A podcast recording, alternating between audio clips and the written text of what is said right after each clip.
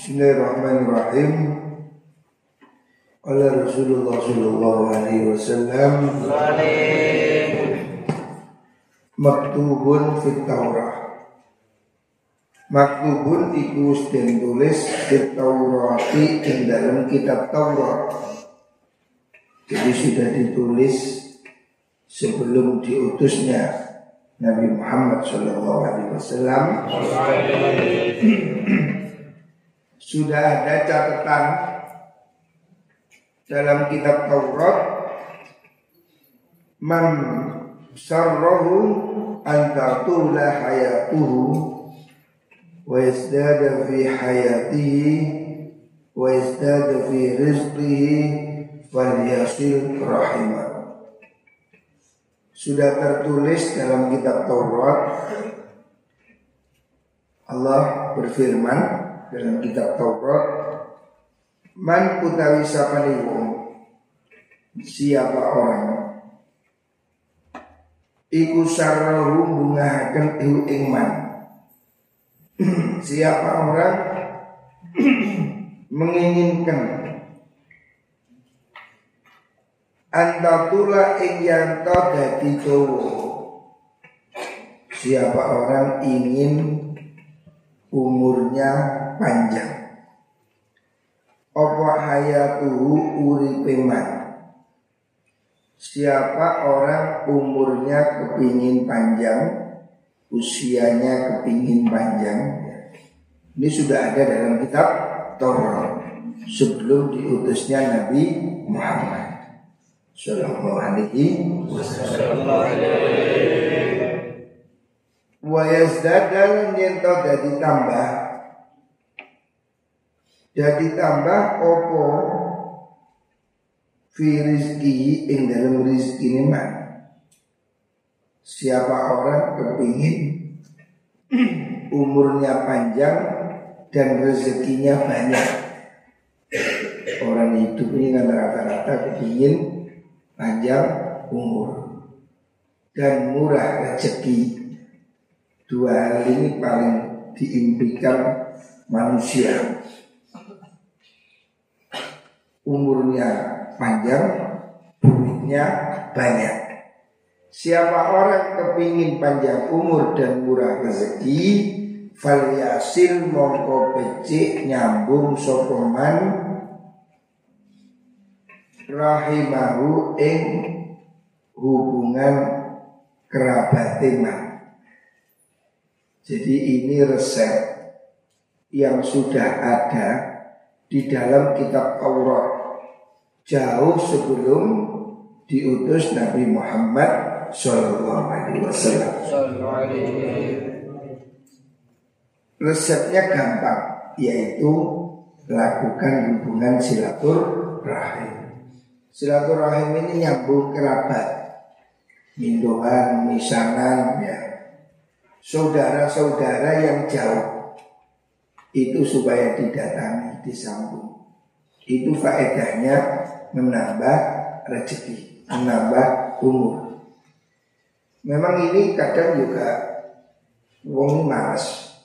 Makanya diadakan halal bihalal. Marani situ-situ angel dikumpulkan dalam halal bihalal. Nah, itu metode baru. Metode silaturahim yang modern. Kalau zaman dulu kan didatangi satu persatu. Hari ini orang sudah mencar jauh-jauh. Datangi satu-satu ya agak repot. Makanya yang banyak ya dikumpulkan dalam forum. Atau hari ini silaturahimnya sudah gampang. Pakai grup WA. Grup Bani Adam. Semuanya sudah bisa kumpul dalam WA, dalam Facebook. Yang penting harus ada upaya menyapa, menyapa saudara-saudara Jawa. Tapi kalau datang secara fisik itu pasti jauh lebih baik. Kalau musimnya sudah bagus. Hari ini kan masih pandemi. Saya dengar beberapa pesantren masih ada masalah Makanya hati-hati. Ini saya dengar di daerah Jawa Tengah masih banyak pesantren yang terkena apa namanya COVID ini. Juga di Malang Selatan saya dengar juga ada. Ya kita prihatin. Muka-muka COVID ini segera selesai. Tapi sebagai antisipasi ya kita punya itu. Kita punya minuman probiotik itu. Itu perlu kita untuk orang-orang yang positif itu supaya kita bantu. Karena ini penyakit ini agak aneh. Dan kalau dibawa ke rumah sakit biayanya pasti mahal. Orang juga takut. Tapi alhamdulillah kita punya probiotik ini murah. Dan alhamdulillah sudah banyak yang cocok minuman probiotik kita. Ini penting kita jaga kesehatan. Sehat ini harta yang paling Rawal Hakim an Abbas. Selanjutnya minal muru'ah. Nabi bersabda, minal muru'ati iku setengah saking sifat muru'ah. Sifat terhormat. Muru'ah itu keperwiraan. Artinya sifat yang elegan. Ayun sita yang kau mendengarkan soal aku sedulur li akhihi krono dulure al-akh idza haddatsahu nalikane nyeritani sapa akh ing akhi kamu ini biasakan ini ajaran dari Rasulullah Shallallahu Alaihi Wasallam kalau ada orang bicara hendaknya kamu diam kalau ada orang bicara jangan gremeng. Kalau ngaji, kalau rapat, ada apa pun. Kalau ada orang lain bicara, kamu harus mendengarkan. Jangan bikin ribut. Ngaji ngecong sendiri. Biasanya wong wedok ini. Lanang kadang ya ono bisik-bisik. Biasakan kalau orang sedang bicara, kamu diam. Seperti itu dilakukan semua orang. Ya. Jadi jangan sahur malu, jangan teriak-teriak, ngomong gantian yang rapi. Wa min husnil mumasa lan iku setengah saking baguse melaku perjalanan yang baik. Iku ayat kifatin tongatek sopo aku sedulur li akhihi krono sedulure. Ah idang kotoa. Maksudnya ngatek itu mandek. Yang to mandek soal akhu sedulur li akhi krono sedulure. Ah idang kotoa nalikane pedot opo sipo naklihi serompat serompat ya taline terupai untuk sandale akhir. Jadi Rasulullah Shallallahu Alaihi Wasallam mengajarkan sopan santun yang bagus. Kita ini harus bisa menghargai orang lain supaya kita juga dihargai oleh orang lain. Salah satunya ini yang diajarkan Nabi, kalau ada orang bicara, dim, jangan menceper, dengarkan kalau ada orang lain bicara. Yang kedua, kalau kamu jalan sama teman, kok temanmu ini sandalnya pedor, jangan biarkan sandal jepit, sandalnya putus atau sepatunya rusak. Hendaknya kamu berhenti setia kawan. Jangan kamu jalan bareng temanmu sandalnya pedor, kon cuek jalan sendiri. Ini namanya tidak setia kawan. Atau kalau hari ini sepeda motor pergi sama-sama sepeda, temenmu kempos, berhenti, bantu. Ya. Jangan terus dia temenmu kempos, kamu ngebut sendiri. Tidak boleh. Ini etika. Betapa bagusnya ajaran yang dibawa Rasulullah Shallallahu Alaihi Wasallam. Jadi saling menghargai. Kita ini harus bisa belajar mendengar, untuk ngomong aja. Dengar. Tuhan memberi kita ini telinga berapa? Dua. Mulut satu. Kita ini harus belajar banyak mendengar, bukan banyak bicara. Rungokno, ngomong rungokno. Timpak Kita ini kan kadang ngomong-ngomong kudu nyaut, kudu nyaut. Jangan motong pembicaraan orang. Dengar dulu. Oh iya. Iya, iya, menurut. Baru ngomong. Ya kok sih bro, enggak dati. Anu, aku aku. Jangan motong pembicaraan orang lain. Dengarkan. Baru kamu mau membantah, mau menyanggah, lakukan dengan sopan. Itu ada hadis rawahu diriwayatkan an Anas dari sahabat Anas. Selanjutnya Rasulullah Shallallahu Alaihi Wasallam bersabda, min asrot sa'ah iku setengah sangking tandani tengere dino kiamat. Asrot sa'ah itu indikator, indikator datangnya hari kiamat.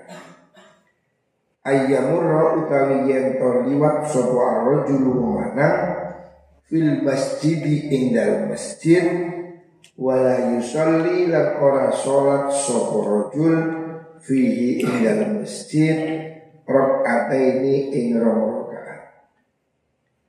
termasuk indikasinya orang yang tidak peduli pada masjid ini tanda-tanda sudah dekat hari kiamat ada orang lewat masjid tapi nggak sholat. Itu umum. Numpak sepeda, mampir nang masjid, lalu nguyuh. Nah, masjid anggap toilet ya. Ada orang yang memperlakukan masjid sebagai tempat pipis. Mandek nang masjid lalu pipis. Ya. Nang masjid itu pipis. Masjid itu tempat untuk sholat. Jadi kalau kamu masuk masjid berhenti pipis, ya sholat kok. Cok pipis nyengkri. Emang masjid ini toilet. masjid hendaknya untuk sholat. Kalaupun kamu singgah di situ untuk kamar mandi, lakukanlah sholatnya. Sebab kata Rasulullah SAW, tanda zaman akhir itu kalau orang sudah lewat di masjid tapi tidak mau sholat. Wa alla yusallima. Wa alla yusallima lan yentok ora ulu salam. Sopo arrojulu wong lanang? Illa alaman angin ingatasi wong ya arifu kang kenal sopo rojul hanya mau mengucap salam pada orang yang kenal. Padahal ajaran Rasulullah Shallallahu Alaihi Wasallam ucapkan salam pada orang yang kamu kenal ataupun tidak kenal. Kenal tidak kenal ini syiar agama Islam. Ucapkan salam. Assalamualaikum. Assalamualaikum. Ojo, ilu bro. Berabu yo. Assalamualaikum. Masuk kamar juga begitu kamu masuk kamar salam assalamualaikum supaya apa damai salam ini kan artinya damai. Ketenangan. Jadi biasakan masuk rumah. Assalamualaikum. Masuk kamar. Assalamualaikum. Ucapkan salam ketika masuk rumah. Kalau di pesantren ini masuk kamar ya. Yang dari luar masuk ke dalam ucapkan assalamualaikum. Ya. Biasakan. Bertamu juga begitu assalamualaikum tok tok tok tok. Boy. Orang Islam bertamu ucapkan salam bukan kadang ono kaitan rumahku tak tok tak tok jangan orang sopan mestinya ucapkan salam Bertamu ucapkan salam. Jangan ketok-ketok. Ya. Ucapkan salam. Kenal tidak kenal, ucapkan salam. Selanjutnya wa ayyubar rida lan yento akan kongkonan. Barit itu artinya pos tukang pos. Maktabul barit kantor pos. Wa ayyubarida wa ayyubarida yang tondate akan kongkonan soko asobiyu bocah cilik asyaikha ing wong tuwa. Arek cilik ngelamak ngongkon wong tua. Ini terjadi banyak. Contohnya apa? Gojek. Ya. Terus sing gojek kan wong tuwek-tuwek. Sing numpak arek cindil-cindil numpak gojek. GoFood. Iku wong tuwek dikongkon arek cilik. Nah, itu contoh nih. Ya contoh yang lain ya banyak. Tapi hari ini hadis Nabi ini sudah jadi kenyataan. Berarti kita sudah posisinya sudah mendekati hari kiamat. Jadi tandanya satu orang ke masjid tapi tidak mau sholat. Ini sudah banyak masjid kencing tapi tidak sholat. Yang kedua tidak mau mengucapkan salam. Ini juga sudah banyak ada orang mengucapkan salam, salam itu apa? Salam, assalamu alaikum. Gak usah salam yang lain. Yang ketiga wa ayyub ridasyabi asyikh. Anak kecil menyuruh-nyuruh orang tua. Ini udah banyak. Ada cilik orang tua, jambal, nguku, utuh. Ya contoh sing gampang saya ya dunia online ini. Kita ini kan Gojek, GoFood, Grab. Ya, ada cili bisa ngomong wong tua.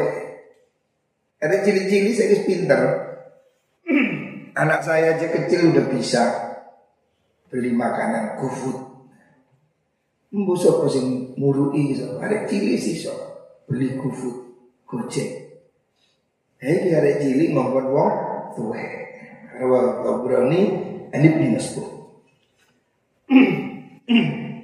Selanjutnya kalau Rasulullah Shallallahu Alaihi Wasallam Man ada ahlal Madinah.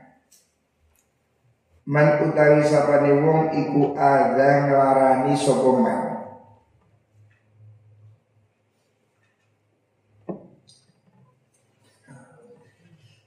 Ngelarani ahli Madinah ing ahli Madinah.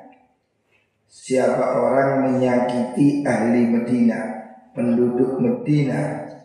Ada mongko ngelarani hu ing man Sinten Allahu Gusti Allah.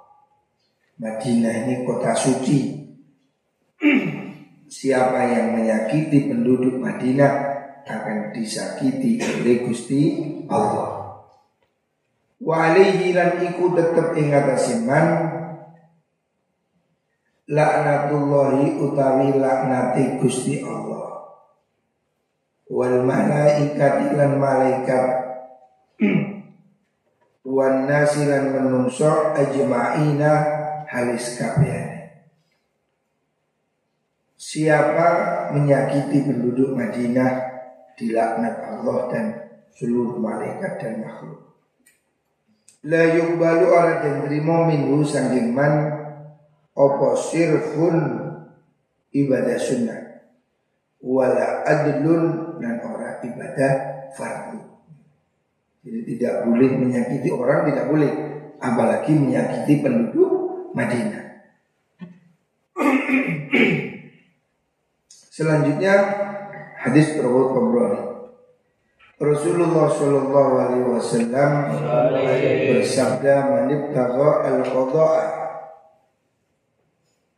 Man utai sapani wong iku ibtaga nyuprit sokongan al qada'a ing qada dadi qadi wa sa'ala lan jaluk sapa wong fihi ing dalam mengkono talabul qada syufa'a ing piro-piro wong kang nulungi.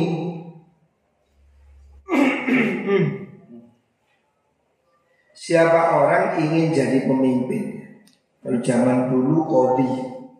Hari ini ya bupati Kepala desa Presiden. Siapa ingin mendapatkan jabatan?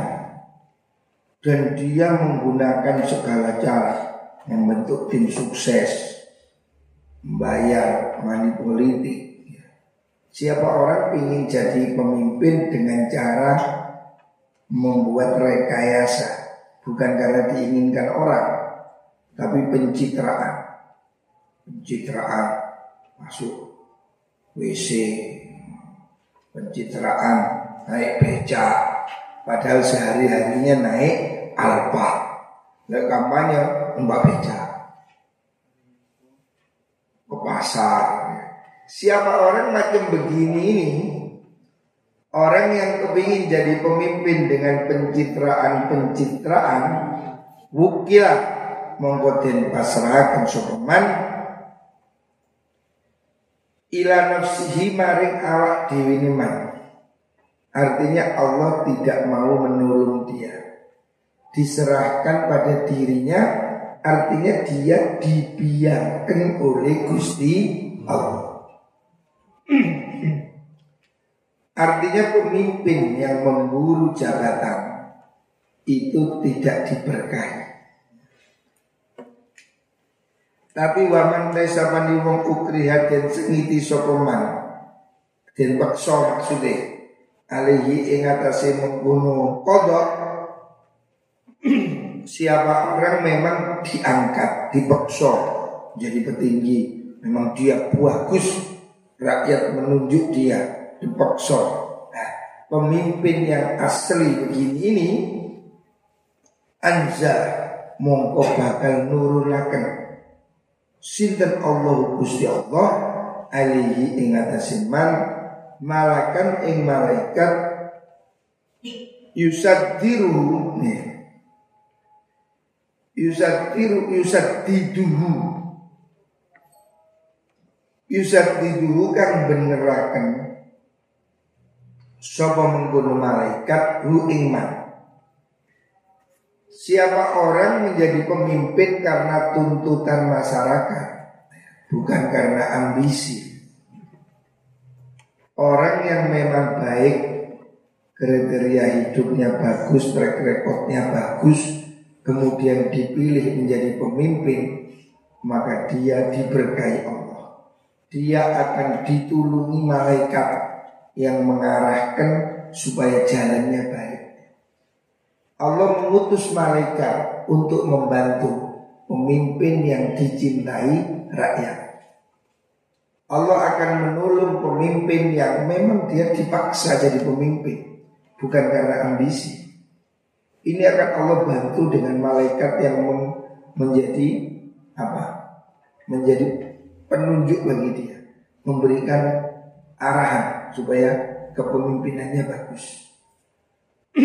Sebaliknya orang yang ambisi jabatan, orang yang gila pangkat sehingga dia melakukan jual beli suara, melakukan pencitraan, pembohongan, dia tidak diberkahi oleh Gusti Allah dan Allah tidak ngurus dia akan dibiarkan. Tidak direken tidak apa tidak diberi pertolongan oleh Gusti Allah. Makanya orang harus sadar diri. Orang harus tahu diri. Jangan ambisius. Kalau kamu memang tidak pantas ya, ya jangan maksa Orang ini harus tahu ukuran sepatunya. Jangan asal sepatu. Ukuran ini 35, sepatu 45. Blok-blok. Tidak cukup, nggak pantas. Lakukan sesuatu yang pantas. Kamu harus mau berkaca, jangan terlalu ambisius. Rawahu Sinten? Peniku Rawahu At-Tirmidzi an Anas. Selanjutnya Nabi bersabda, Qala Rasulullah sallallahu alaihi wasallam Manib Manub tulia. Manub tulia. Man utai sapane wong iku ubut tulia. Den cubo sokoman Siapa orang mendapat cobaan dari Allah? Falsobaro nulis sabar sokoman Siapa diuji kemudian dia sabar? Wa wa u'tiya. Wa u'tiya lan den paringi sokoman Terus syakaron nulis syukur sokoman Siapa orang kalau ada musibah sabar kalau ada nikmat syukur. Wa dzulima lan den dolimi sapa man faghfara nuli sapa man. Terus kalau didolimi dia mau mengampuni tidak balas dendam. Kita ini harus cukup waktu dan tenaga untuk tidak apa, merisaukan hal-hal yang sepele. Jangan mudah bertengkar untuk hal-hal yang kecil. Kalaupun kamu disakiti, kalaupun kamu didolimi, tidak perlu membalas. Hidup paling menyenangkan itu kalau kamu tidak punya dendam. Orang yang punya dendam itu hatinya terbakar, lorong, panas. Sama dengan orang cemburu itu. Orang cemburu itu kan terbakar api cemburu. Bisa gila ya Bisa sinting. Walaupun tidak ada apa-apa Tapi cemburu itu bisa sedemikian ganas. Sama dengan dendam. Orang itu kalau sudah mendendam Tidak nyaman pikirannya. Makanya demi kesehatan Demi kebahagiaan hidup kita Janganlah kamu mendendam. Wis laleknya Kok temen jelek ya sudah lupakan. Tidak usah dendam. Orang menjadi sakit itu karena dendam. Dan ini perempuan yang paling banyak dendam. Bujuni salah wis 10 tahun kepungkur. Sik diiling-ilingi. Biyen biyen sik wis biyen yo biyen. Roti yo roti, gelembeng yo gelembeng. Saiki saiki biyen yo biyen. Sik diilingi. Biyen sik Wis biyen yo wis tau biyen. Bisa iki ngono lho ngomong. Jadi ini bedanya laki-laki dan perempuan. Laki-laki itu terlalu cepat melupakan. Wis lanang wis lali, wis lali. Kadang duit bojo lali, rabi mana? lali. Cinta-cinta ketemu lali, mending golek mana? Wong lanang. Wong wedok beda nih, gak lalian, wiling. Tahu dilarani pitung tahun. Sik koyo koyo ini milih jadi wong wedok tidak bisa melupakan. Lewong lanang terlalu mudah melupakan. Wong wedok seiling lima tahun yang lalu pada jam sekian kamu mengatakan cinta musuh eling ditulis. Pada detik itu hatiku berbunga-bunga. Wedok. Apa yang diucapkan mantannya itu eling kabeh tapi lewat orang lali. Hari gombal selali. Selali. Lalian orang. Makanya lebih tenang. Tapi orang wedok kalau ilingan, yo malah orang apa? Cemburu ya. Pilih jangan-jangan. Pokoknya bujuni tahu selingkuh sebisa. Gue seumur hidup wiling ini jangan-jangan. Jangan-jangan terus. Jadi cemburunya itu nggak selesai-selesai. Padahal orang cemburu itu menyakiti dirinya sendiri. Untuk apa kamu cemburu? Saya punya teman, seorang pengusaha. Nah, dia itu kan sering keluar malam, namanya pengusaha ya, banyak teman. Istrinya cemburu, marah-marah. Setiap suaminya pulang, ngomel-ngomel. Suwe-suwe, gendeng. Sampai kok gendeng. Ya karena itu, hatinya terbakar emosi. Malah gendeng ya Makanya demi kesehatan. Walaupun kamu mungkin nggak nggak ikhlas, pegel, tapi lupakan demi kesehatan. Karena kalau kamu membenci, kalau kamu mendendam, pasti hidupmu tidak nyaman. Jadi walaupun kamu mungkin tidak sungguh-sungguh ikhlas, tapi demi kesehatan, kesehatan mental, kesehatan jiwa, kesehatan tubuh, lupakan. Lupakan orang yang nyala-nyalai kita. Lupakan orang yang berbuat jelek pada kita. Jangan diingat-ingat. Hidup kita enak, tenang. Tapi kalau kita ini pendendam, eling, dulu dia begini, dulu dia begitu, ya sudah jadi museum penuh kenangan. Ngapain kamu ingat-ingat? Termasuk mantan, ngapain? Mantan bukan pahlawan yang harus dikenang. Itu selalu Ya sudah. Ngapain kamu mengenang Jangan jadi pendendam.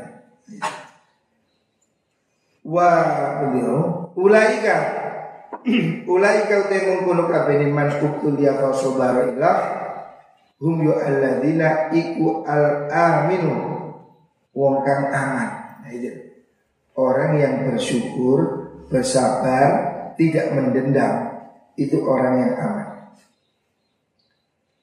Orang yang hidupnya tenang. Oh ada kurang satu. Wadolama fastaghfar. Kalau berbuat dosa dia beristighfar.